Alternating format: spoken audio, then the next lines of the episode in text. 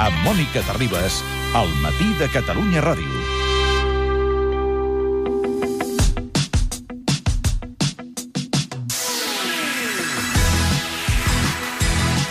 Nosaltres som aquí a la sala de descans del Teatre Municipal de Girona. Però si poguéssim sortir d'aquí ens trobaríem una ciutat turística que l'arribada d'aquest tren d'alta velocitat que últimament ens ha jugat alguna mala passada per, per moltes raons que ara no hi entrarem, ens ofereix un munt de coses. I avui ens hem proposat saber quin perfil de turista arriba a Girona, perquè hi ve i sobretot què hi busca. Hem enviat la nostra unitat mòbil amb la Laia Claret al capdavant a, a voltar per aquesta ciutat. Laia, bon dia. Hola, bon dia. On ets i amb qui estàs? A Perquè veure, tu no estàs mai sola. No, no estic mai sola i sempre molt ben acompanyada, eh? Però estem caminant per la plaça de la Independència de Girona. És una plaça Casualment. porxada... Sí, exacte, casualment. plaça porxada, molts restaurants, molts bars, sempre hi ha molta gent i al vespre molts estudiants, eh? I estem amb el José Antonio Donaire, que és director de l'Institut Superior d'Estudis Turístics de Girona. Bon dia.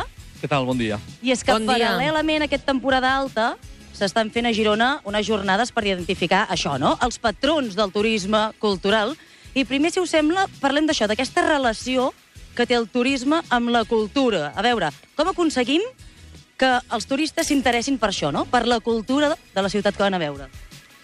Doncs bé, hauríem de fer com a mínim dues coses. La primera és entendre que els turistes eh, no s'interessen per una, un sol model de cultura. Per exemple, pensa en la música. A tot ens agrada la música, a tothom, Sí? però tots tenim gustos musicals molt diferents. En certa manera, el turisme cultural, amb molta freqüència, s'imagina que a tothom li agrada el mateix estil musical, el mateix músic i gairebé la mateixa cançó. Doncs la primera cosa que hauria de fer el turisme cultural és adaptar-se als gustos canviants, diversos, que tenen els turistes. Estem caminant, plaça de la Independència avall, estem arribant al pont de la Princesa, tenim una vista preciosa de les cases sobre el riu de Girona, i el que li vull dir al senyor Donaire és que ell m'ha fet descobrir una paraula, Mònica. A tu et sona fast look?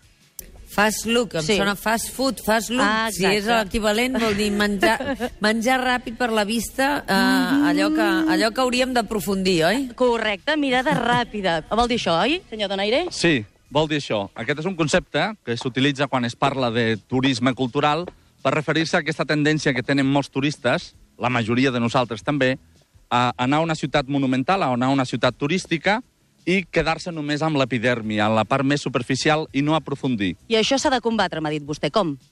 Bé, hi ha tres maneres com a mínim de combatre-ho. Cada ciutat hauria de buscar el seu model. Nosaltres en proposem tres. La primera és dotar de continguts. Per exemple, nosaltres vam fer l'estudi a la Vall de Boí, Sí.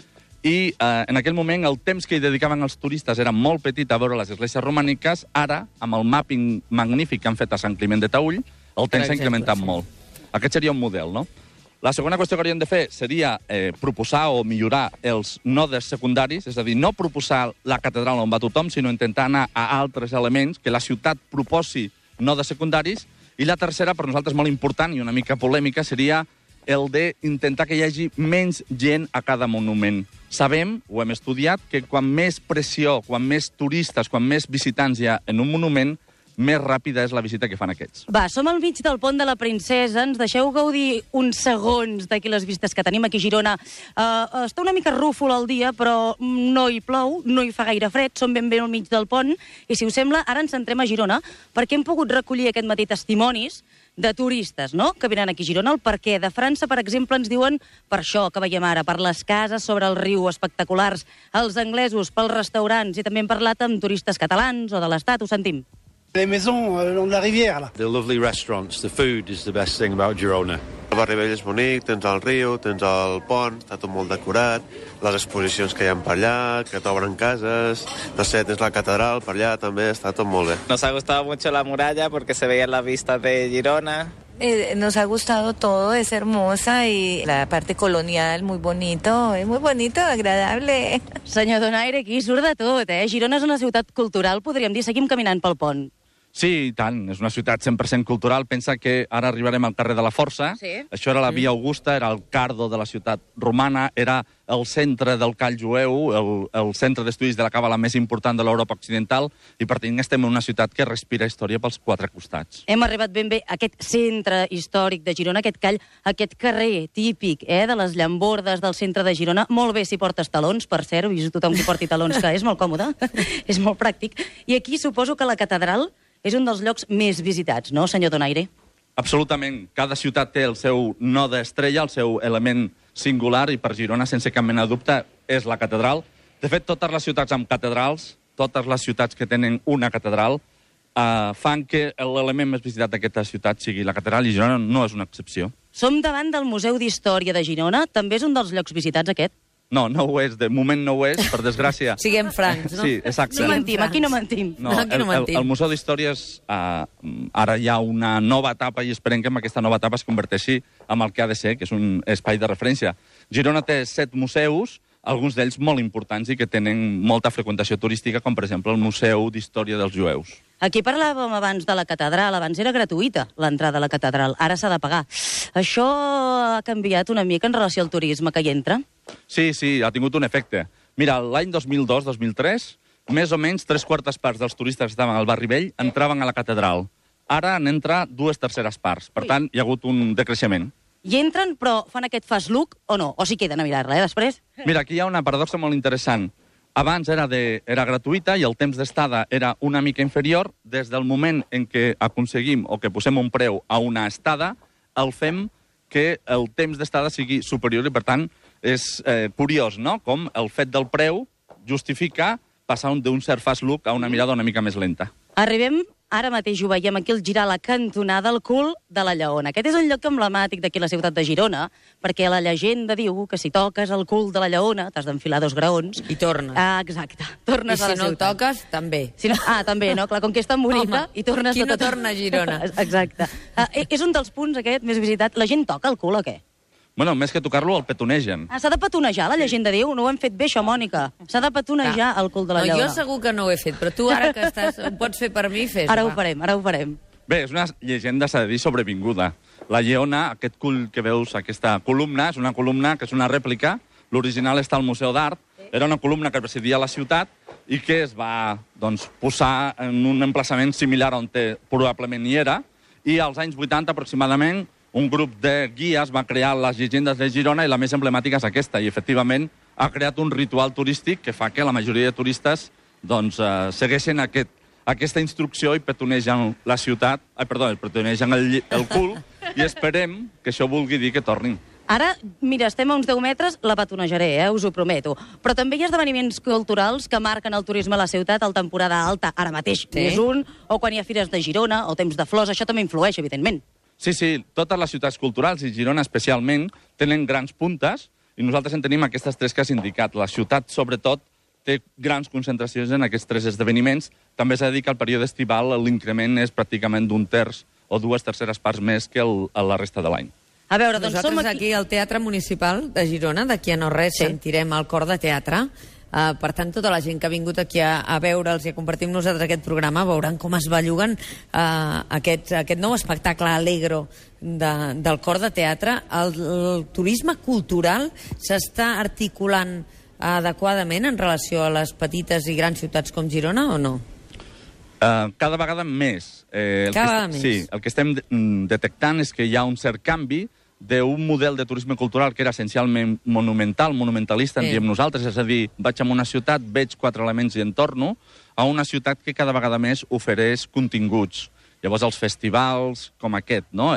L'oferta cultural, les arts escèniques, aconsegueixen dotar de contingut i de profunditat a una visita que abans era molt més superficial. Clar, per exemple, Figueres, que avui arranca el Delirium, no li cal perquè, perquè Dalí ja, ja, ja, ja té molta força, no?, el museu, però abans parlaves d'avui d'avui i de la reproducció en 3D, que realment ha sigut una revolució, però continua sent a vegades complicat anar fins a determinats indrets. Girona és de fàcil accés. Sí, sí, la Vall de ho té una mica malament en termes d'accés. També és part del seu encant, però efectivament el mapping, aquella magnífica eh, performance que han creat a Sant Climent, doncs, ha, fet canviar completament, ha girat com un mitjó la forma com els turistes veien les esglésies. Girona ho té encara més fàcil. Això és la porta d'entrada a la península Ibèrica i és una ciutat carregada d'història i molt accessible. Pensa que amb l'AVE ja pràcticament som un barri més de Barcelona i som a l'àrea d'influència de la Catalunya Nord i, per tant, tenim molts elements que fan que aquesta ciutat doncs, vagi guanyant visitants. I ara Va, on doncs, sou, Laia? A veure, ara mateix estem esperant-nos davant de Sant Narcís. Sant Narcís és un dels punts més visitats, també, a l'església? Absolutament. Mm, Girona té tres grans nodes. Un és la catedral, l'altre és l'església de Sant Feliu i el tercer és Banys Àrabs. Els banys àrabs també. Doncs mira, som ben bé davant del cul de la lleona. T'ho he promès, Mònica, eh? I faré un Vinga. petó. Escolteu que pujo les escales. Estic sentint. Tres, uh, pujo i faig el petó. Ara, mua. Ja està. Tornarem, eh? Tornarem a Girona. Oh, I tant que tornarem. El senyor Donaire m'espera baix i ahir va presentar un estudi. Expliqui'ns una mica què és el que va fer en aquest estudi, perquè sembla que vau posar un GPS a diversos turistes. Explica'm això. Sí, bueno, el van presentar fa uns dies i el que van fer, el nostre equip, és el de perseguir literalment els turistes Sí? durant la seva estada a la ciutat de Girona, al barri vell, i durant més d'un any hem, eh, els hem deixat, els hem demanat que portin amb ells un GPS i això ens ha permet cartografiar el seu recorregut sobre la ciutat i per això tenim molts detalls que ens ajuden a saber què fan els turistes, què els interessa i què no els interessa. A veure, quanta estona passen els turistes, amb aquest estudi eh, del GPS, quanta estona passen els turistes al barri vell de Girona? Doncs eh, l'any l'any 2002, que van fer un estudi similar, si estaven aproximadament una hora i mitja, ara s'hi estan més de dues hores, i per tant la ciutat ha guanyat una mica, ha rescablat una mica de temps, que vol dir més qualitat de la visita. I també ha crescut el nombre de llocs que visiten, és a dir, vosaltres veu fer aquest estudi que dius el 2002. En relació amb el del 2010, també ara visiten més llocs o no? Sí, sí, en visiten més. L'any 2002 en visitaven 3,12 de mitjana, Sí? ara en visiten pràcticament 5. Per tant, mm, estem a prop de duplicar el nombre de nodes que visiten els, els turistes i va en aquesta línia de millorar el producte del turisme cultural que té la ciutat, com moltes altres ciutats catalanes. I si parlem, per exemple, dels visitants que venen, no? Nosaltres hem tirat una bateria de detalls, hi havia turistes anglesos, francesos, de l'estat de Catalunya. D'on són, segons el vostre estudi, aquests turistes que visiten ara la ciutat de Girona? Doncs hi ha quatre tipus. Uh, fa el 2002 gairebé tots venien de la Costa Brava. Diguem-ne, Sí? Girona era la típica ciutat on t'hi anaves el dia que estava una mica ennuvolat, doncs uh, és el pla B, no? Això ara ja no és així. La Costa Brava continua sent un gran emissor de turistes, però ara eh, hi ha un contingent molt important de persones que dormen a la ciutat i que són de tot el món, pràcticament de tot el món. Hi ha un segon contingent que venen de Barcelona, això és interessant. Hi ha un tercer contingent que venen d'altres costes, com per exemple de la Costa Daurada o de la Costa de Barcelona, i això és interessant perquè quan més juny eh, tenen la seva, el seu hotel, més temps passen a la ciutat i són turistes molt interessants per aquest, per aquest estudi. Clar, i vostè diu hotels, no? A, a, on pernocten? La majoria de gent que ve, a, si són turistes de Catalunya, venen a passar un dia, hi ha gent que ho fa, això només de venir a passar un dia a Girona? I tant, i tant. Eh, totes les ciutats culturals, i Girona especialment, tenen el que en turisme anomenem excursionistes. Són persones, visitants, que no pernocten. Eh, tot i així, la, el nombre de turistes, visitants que pernocten, s'ha incrementat molt, i n'hi ha de dos tipus. Persones que pernocten a, a la ciutat de Girona, Sí. aquest és el que més s'ha incrementat, hem passat del 8 al 25%, per tant... Del un- 2002 al 2010? Sí, Déu-n'hi-do. era el 8% al 2002, el 25% al 2012, i llavors l'altre contingent és el de eh, persones que estan en altres hotels, en hotels de la Costa Brava, en hotels de la ciutat de Barcelona o de la Costa Daurada i que integren la ciutat de Girona com una de les seves visites obligades. Donem la volta Però- per aquí. Digues, digues, Mònica. Anava a dir, a vegades no cal pernoctar, perquè mira, saps qui tinc aquí al costat ja, a punt d'explicar-me tot el que farem a partir d'ara? Qui? A la Marta Romagosa, Home, que a les ja ha 6 del matí. arribat. Ja ha arribat, ja la tinc aquí al costat.